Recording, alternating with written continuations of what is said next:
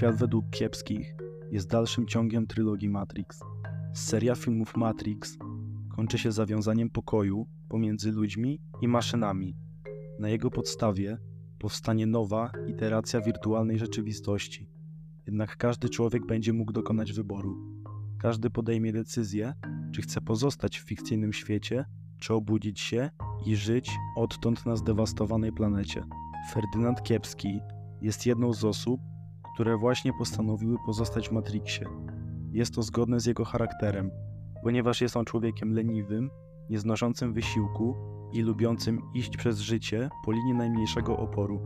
Zamiast smutnej rzeczywistości postapokaliptycznego świata, decyduje się on na fikcję, w której czas upływa na popijaniu piwka przed telewizorem i fantazyjnych przygodach bez żadnych konsekwencji.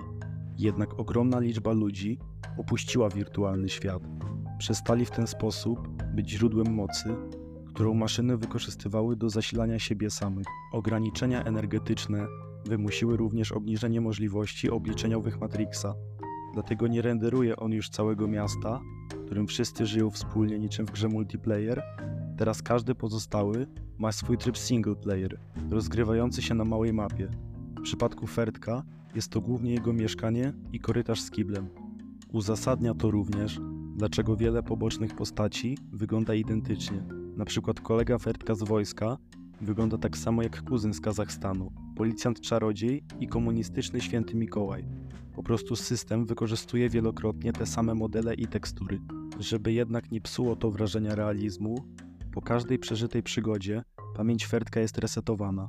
Dlatego nie widać po nim żadnych skutków tych wszystkich niesamowitych doświadczeń, jak uprowadzenie przez kosmitów, zamienienie się w żabę albo spotkanie śmierci.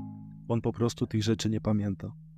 O ograniczeniu zasobów świadczy również to, że wszystko poza piętrem w kamienicy, na którym mieszka, wygląda jak słabo dopasowany green screen. Nawet pomimo regularnego czyszczenia pamięci, od czasu do czasu Fredek nabiera potrzeby wyjścia z domu. Wtedy system wypełnia lukę słabej jakości teksturami. Ale najważniejszym elementem rzeczywistości są oczywiście ludzie, a właściwie NPC, generowane przez system, by dotrzymywać mu towarzystwa. Ferdek sam kiedyś odkrył, że Boczek tak naprawdę nie istnieje, jest jedynie manifestacją wyobrażeń. O nierzeczywistości paździochów może przemawiać to, że ich zachowanie dopasowuje się do myśli Ferdka. Kiedy podejrzewa Mariana o bycie Niemcem, ten zaczyna mówić po niemiecku. Kiedy posądza go o faryzejstwo, temu zaczyna rosnąć broda i zakłada sandały. Jest odpowiedzią Matrixa na potrzebę posiadania sąsiada, który będzie wrogiem i na którym będzie można podbudować sobie własną samoocenę. Koniec części pierwszej. Ciąg dalszy nastąpi. Kiedyś może, ja, jak znajdę.